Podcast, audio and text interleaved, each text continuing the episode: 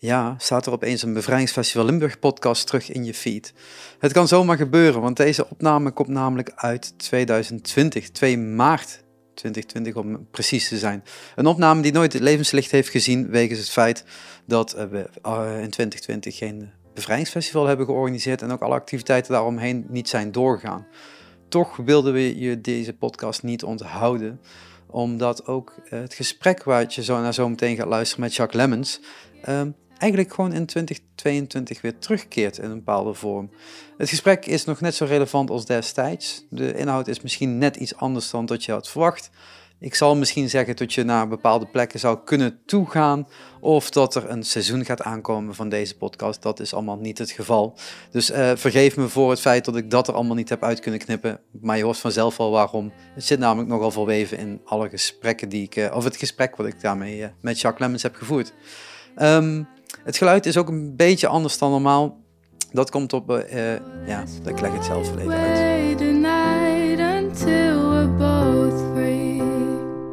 Nothing to do things to say, just no responsibilities. Ja, dit is de eerste podcast van het nieuwe seizoen. Vorig jaar maakten we al een hele brede reeks met van allerlei verhalen Waaronder een aantal met uh, Richard van Kessel. Dit jaar uh, gaan we het iets anders aanpakken. En zoals jullie meteen horen, klinkt het al een stuk holler hier. Een hele andere klank deze keer. Want we beginnen deze podcast dit seizoen in het kapel. In het zand of het zand? Wat is het? In het zand. In het zand. Uh, in Roermond. Um, waar een aantal bijzondere dingen zijn geweest in het verleden. En waar nu sta iets staat te gebeuren met Jacques Lemmens. die hier een expositie gaat houden Zodra deze podcast online komt, is hij net wel nog niet begonnen, maar dat kunnen we allemaal in de linkjes beneden erbij zetten. Maar welkom, of ja, welkom hier. Wat een bijzondere locatie. Ja, dit is heel bijzonder. Deze monumentale processiegang, een kapel aan zand, die met uh, eh, 10.000 tegeltjes uh, is behangen. Door uh, ja, katholieken die Maria vereren. En daar zijn heel veel Sinti- en woonwagenbewoners. Natuurlijk ook andere katholieken, maar dat valt wel op aan de namen. Kun je het zien dat er heel veel Sinti-families bij zijn. En eh, Kapel en is bijna een heilige plek, want we hebben ook elk jaar in Roermond de Sinti-bedevaart in juli en augustus. Um, laten we het even terugpakken. Voorstellen wie jij bent.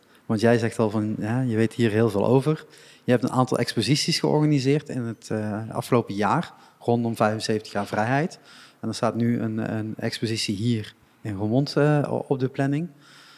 Hoe uh, kom je daarbij uit? Hoe ga je dat opeens tussen aanstekens ja, Nee, niet doen? opeens, want ik, daar ben ik al 35 jaar mee bezig. Ik ben gespecialiseerd in vervolgingsslachtoffers, Joden en ook Sinti, dus die in, tijdens de Tweede Wereldoorlog zijn gedeporteerd en vermoord. Dat zijn eigenlijk de twee grote slachtoffergroepen die we in Nederland, CQ, die we in Europa kennen. En dat is ook niet uit de lucht komen vallen. Het heeft eigenlijk te maken met een reis die ik als 12-jarig jongetje heb gemaakt. Ben ik met mijn moeder op bezoek geweest bij mijn zus in Israël. En toen heb ik de Yad Vashem bezocht, het grootste holocaustmuseum ter wereld. Dat is eigenlijk de eigenlijke reden dat ik geschiedenis ben gaan studeren. En ook dat ik me met dit onderwerp zo lang heb bezig gehouden. Dat heeft met dat bezoek als jongetje te maken. Dat heeft dus een hele grote indruk gehad destijds. Ja, verpletterend. En, waardoor je hele leven eigenlijk is in, uh, ingericht daardoor. Ja. Um, je zegt al, je bent bij je zus destijds op bezoek, familiebezoek gegaan. Ja. Um, Speelde dat dan al eerder een rol in de familie? Zijn dat verhalen die je als jongs af aan ook al meekrijgt? Of nou, dat... vooropgesteld, ik ben niet Joods en ook geen, uh, heb ook geen Sinti-achtergrond. Zij hadden een relatie met een Israëlische jongen. Dus gewoon een katholiek meisje uit Grevenbicht. Maar bijvoorbeeld Grevenbicht, waar ik geboren ben, mm daar had je twee uh, minderheden voor de oorlog. Dat was de Joodse familie Kronenberg en de familie Steinbach, waarvan het meisje met de hoofddoek, Satela, het meest bekende beeld, wat, het iconische beeld wat we mhm. hebben uit de, uit de trein vanuit Westerbork naar Auschwitz. Die kwam ook uit Grevenbeek. En haar naam, haar doopnaam, heeft ze van de doktersvrouw uit Grevenbeek. Dus dat verhaal, dat kende ik wel al. En dan, dan krijg je dat eigenlijk mee. En dan maakt, dat, uh, dan maakt zo'n zo'n reis opeens een hele grote indruk. Maar waar begin je dan? Want dit, dit is een voorgeschiedenis die natuurlijk veel verder gaat dan alleen de Tweede Wereldoorlog. Nee, eeuwen oud. Ja. Ik, ben ook, ik had ook zoiets in het begin. Ik hoef me met die Tweede Wereldoorlog helemaal niet bezig te houden, want het is allemaal bekend. Ja. Niets is minder waar, Dat maar ik heb me inderdaad vooral in eerste instantie gefocust op de eeuwen voorafgaande aan die Tweede Wereldoorlog. Dus ik heb een boek geschreven, De Joodse Gemeente Maastricht. In 1990, dus eh, mijn afstudeerscriptie voor geschiedenis in Nijmegen ging over de Joodse gemeente Maastricht. Maar die begint dus in 1250. Dat is de oudste Joodse gemeente van Nederland. Niet Amsterdam, nee, Maastricht is de oudste Joodse gemeente van Nederland. En het verhaal over de Sinti, dat weet ik dus sinds 1994.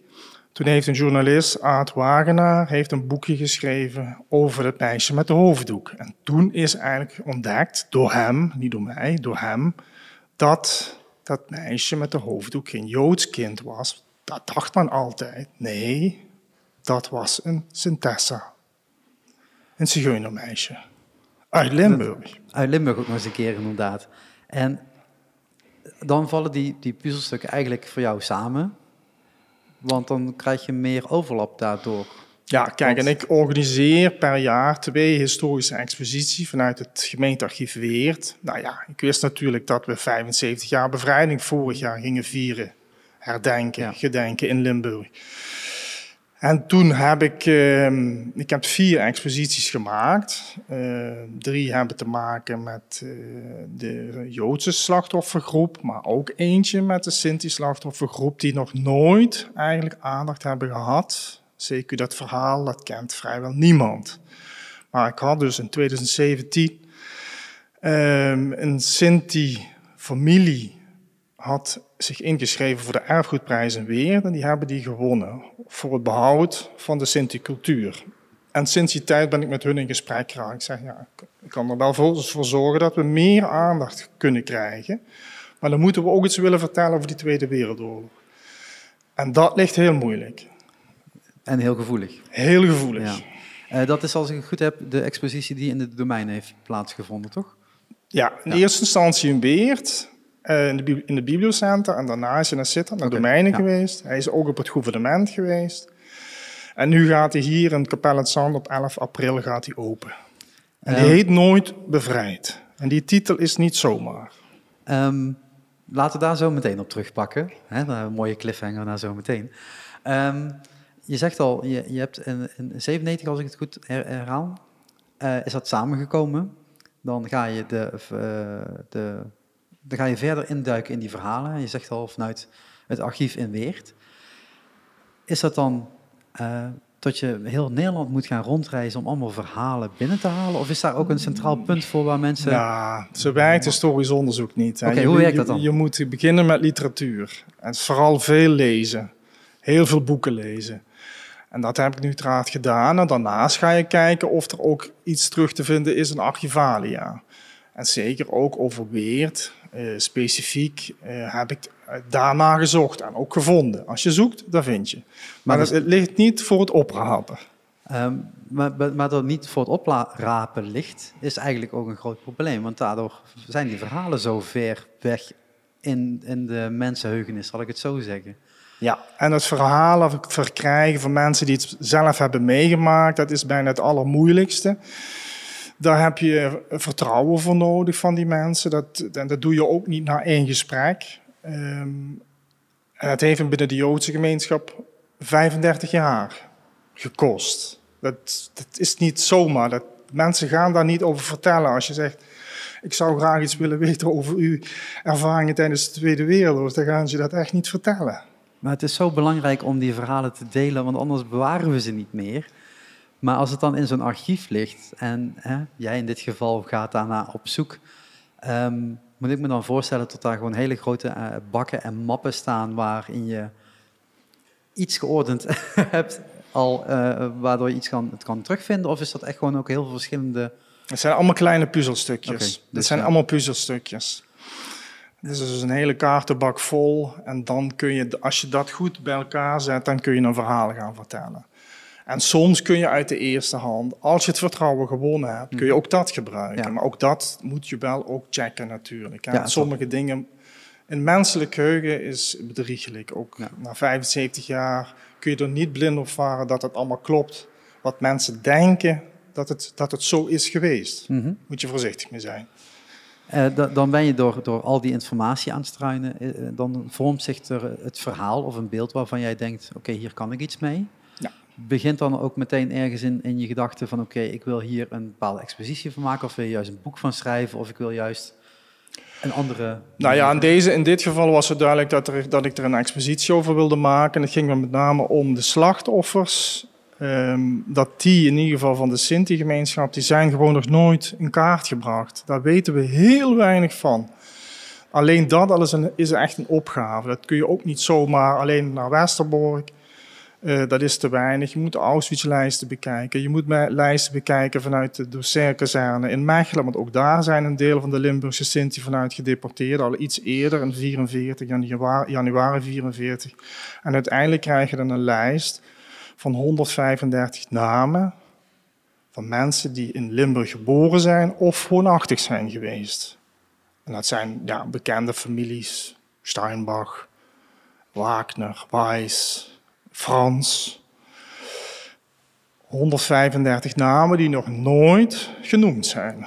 Kijk, vanuit de Joods gemeenschap is er al veel langer intensiever onderzoek gedaan, maar dat komt omdat er ook vanuit hunzelf meer openheid is. Binnen, binnen de Sinti-gemeenschap is dit onderwerp eigenlijk niet bespreekbaar. Dat maakt het ontzettend moeilijk. Eh, je, no- je noemt nou de twee grootste eh, ehm, gemeenschappen, hè, de Joodse en de Sinti-gemeenschap. Van de Joodse, inderdaad, eh, eh, daar wordt ook veel tv-beeld over gemaakt, er worden verhalen over verteld, gedeeld. Je zegt bij de Sinti is dat eigenlijk niet omdat het vanuit hun heel moeilijk gedeeld gaat, eh, is geworden. En je zegt je hebt 135 eh, gezinnen of? Namen. Namen. Namen uit Limburg.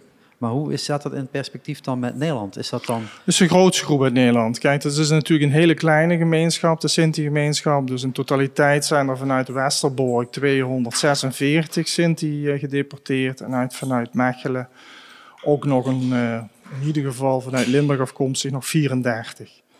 Dus het is een hele kleine groep.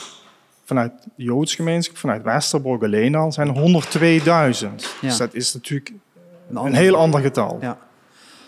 Is dat, eh, je zegt al van, je hebt dus eigenlijk veel minder mensen waar je op kan terugvallen over om die verhalen. Ja, Eh, er zijn maar enkele, er zijn er maar 30 die überhaupt overleefd hebben. Van die 200. Ja, en daar leeft op dit moment bijna niemand meer van. Nee, want dat is natuurlijk ook een, een heel groot punt eh, waar wij ook als festival natuurlijk bij staan. Hè? 75 jaar vrijheid vieren we. Maar die verhalen die in het verleden veel makkelijker gedeeld konden worden, Ja. omdat de directe na- eh, eh, mensen die hebben meegemaakt, eh, als het nou overlevenden zijn of, of, of an- vanuit andere kanten eh, werd gezien, die verhalen eindigen nu. Ja, De- dat is de- absoluut waar. Ehm, dus jij zegt al van als je dan gaat zoeken, dan wordt het al bijna een tweedehands verhaal. Uit, de, Uit de tweedehands tweede verhaal. hand, Ja. meestal wel. Ehm, maakt het dan moeilijker om de juiste puzzelstukken bij elkaar te krijgen? Of is dat dan juist makkelijker omdat ze het niet één op één hebben meegemaakt? Nou, in dit geval is het gewoon heel moeilijk. Want ook voor de tweede en derde generatie is dit een heel moeilijk onderwerp. En het ja, wordt er ben- binnen hun eigen gemeenschap ook gewoon niet over gesproken. Dus dat is heel lastig. Bij de, bij, de Joodse gemeenschap waar ik al veel langer mee bezig ben, ook over heel veel kinderen van ken. Kinderen die nu dus hoogbejaard zijn, 80 en, snel, ouder. ja. Maar daar leven er nog wel een paar van. En die zijn in hun ontwikkeling daar eigenlijk veel verder mee. En die zijn veel opener. Maar wat ik nu gemerkt heb binnen de Sinti-gemeenschap is met name dat de jeugd, die wil wel weten wat er gebeurd is. En vanuit het eigen gemeenschap krijgen ze dat verhaal. De eerste generatie is er niet meer. Dus dan is het de tweede generatie, hun ouders die ze dat moeten vragen. Maar daar, daar is niet over gesproken. Dat is het grote taboe. Dus ze weten heel weinig. Maar goed, daar kan ik wel iets aan doen. Ik kan hun wel verhalen vertellen. Wat er gebeurd is met hele kale cijfers. Dat zijn akelige cijfers. Maar ik kan hun ook een heel stuk geschiedenis teruggeven die heel veel eeuwen teruggaat. En die verhalen kennen ze ook niet. Dus ik kan in dat geval als historicus daar wel iets mee doen. Eh, want je, je zegt al, ehm dat, dat, het zijn eigenlijk verschillende lijnen die bij elkaar komen. Eh, waar we het dan nu specifiek over hebben, is dan hè, de 75 jaar bevrijding. eh, vieren, maar het, het herdenken is nog veel belangrijker. Het delen, dat is afhankelijk van Voor, voor, mij, voor mij is het 75 jaar vrijheid is vooral gedenken, Ja, herdenken ja. van mensen die er niet meer zijn. Ja. Die onschuldig zijn weggevoerd en vermoord. Ja. En dat mogen we niet vergeten. Nee, en dat, dat is ook een eh, eh, onderdeel van je, van je expositie. Het is een, een, een grotere context geplaatst, zal ik het zo zeggen. Hoe, ehm, welke verhalen ga je nu delen hier in het kapel? In het, zeg ik goed hè? In het zand? Ja, Ehm, als mensen hier, ehm, wanneer ze dit geluisterd hebben en denken van nou, ik wil hier langskomen, wat, wat kunnen ze dan...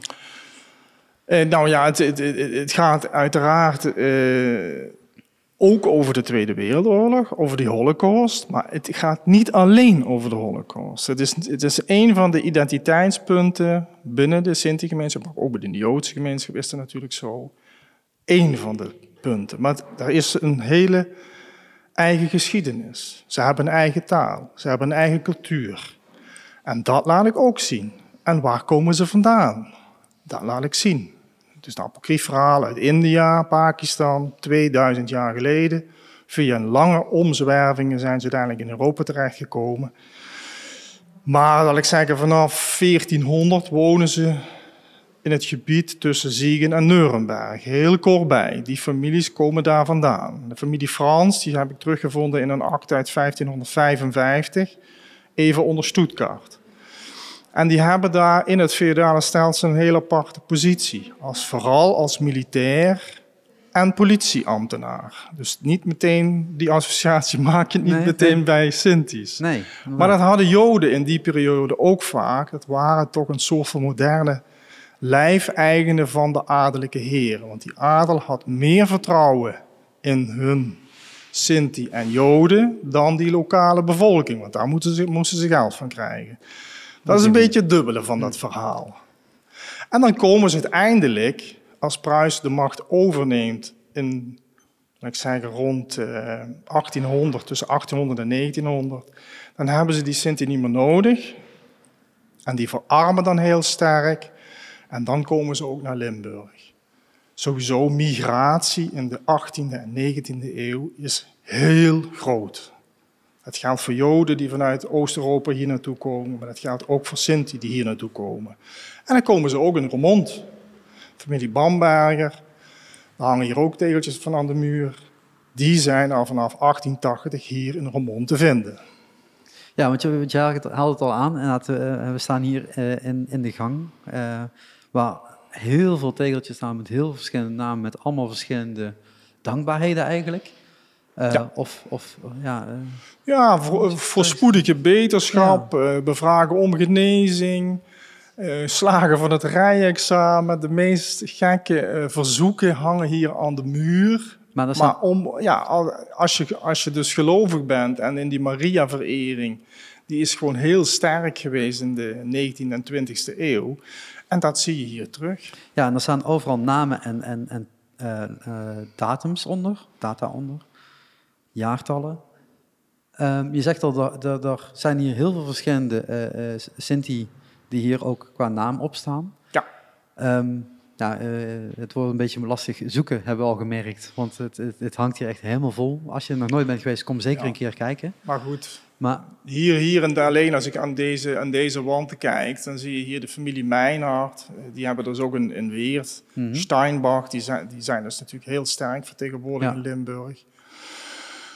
Eh, maar goed, ook Wise. En je ziet hier ook een aantal of, eh, woonwagenbewoners, die we in de hele provincie zo'n beetje tegenkomen weer. Die hangen hier allemaal. Maar eh, deze, ik weet niet of jij dat weet, maar die tegeltjes zijn, die zijn geplaatst na de Tweede Wereldoorlog.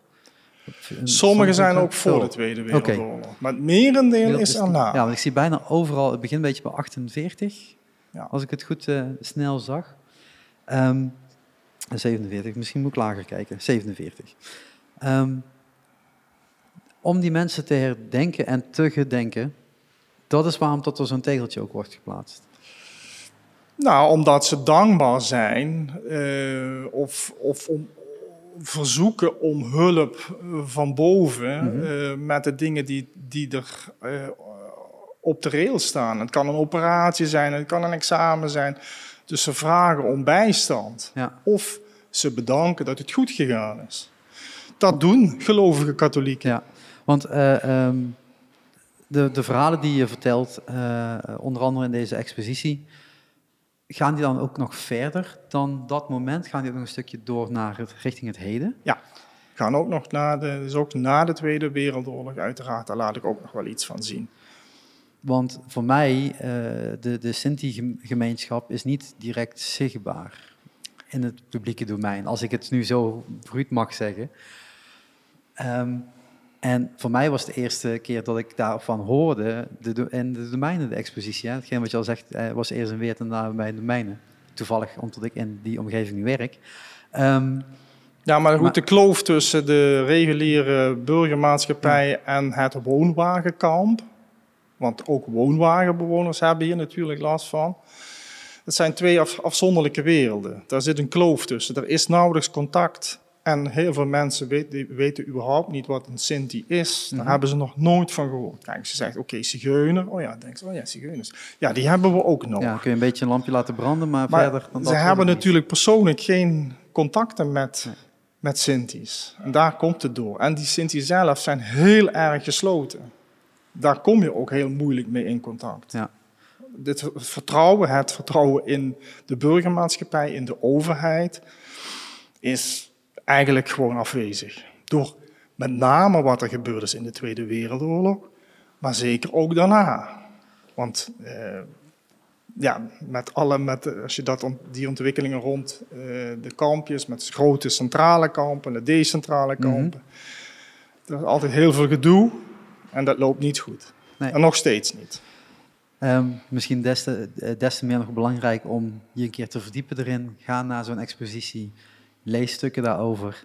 Uh, word geïnformeerd misschien wel door deze podcast, waardoor je misschien wel getriggerd wordt om eens wat meer te, te weten over de directe naasten en de, de, de, mensen die misschien wel deels in de vergetenheid zijn geraakt. Wat heel vervelend is om te zeggen, maar dat hebben we in de, in de vorige episodes van deze podcast ook al vaker aangehaald. Het is soms heel stom om iets te zeggen, of hardop te zeggen, terwijl het eigenlijk wel de, de, feit, ja, de waarheid op dit moment is. Hoe vervelend het ook, eh, ook is dat dit niet zo duidelijk naar buiten is, waardoor we dat minder kunnen delen. Nee, goed, dit is in principe ook de bedoeling van de expositie om die kloof te verkleinen. Ja. onbekend maakt onbemind. En dat geldt voor beide partijen. Ook discriminatie is natuurlijk vooral gefundeerd op vooroordelen.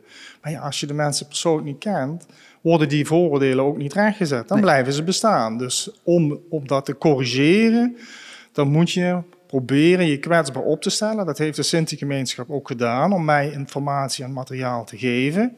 Maar natuurlijk ook de bezoekers, die hebben geleerd. Die hebben, hebben persoonlijk kennis gemaakt met hun, maar ook met kennis over de geschiedenis van de Sinti.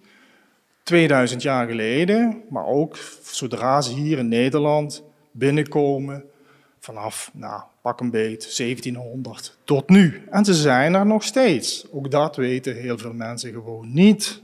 Weten ze niet. Ehm, nou, zoals we net al een paar keer hebben aangegeven, uh, zeg ik goed, 10 april? 11 april. 11 april. Paaszaterdag. Paaszaterdag. Om half twee zijn de mensen welkom bij de opening hier in de grote kapel. In de grote kapel. Uh, en dan blijft het tot ergens juni. 10 juni. Juni, inderdaad.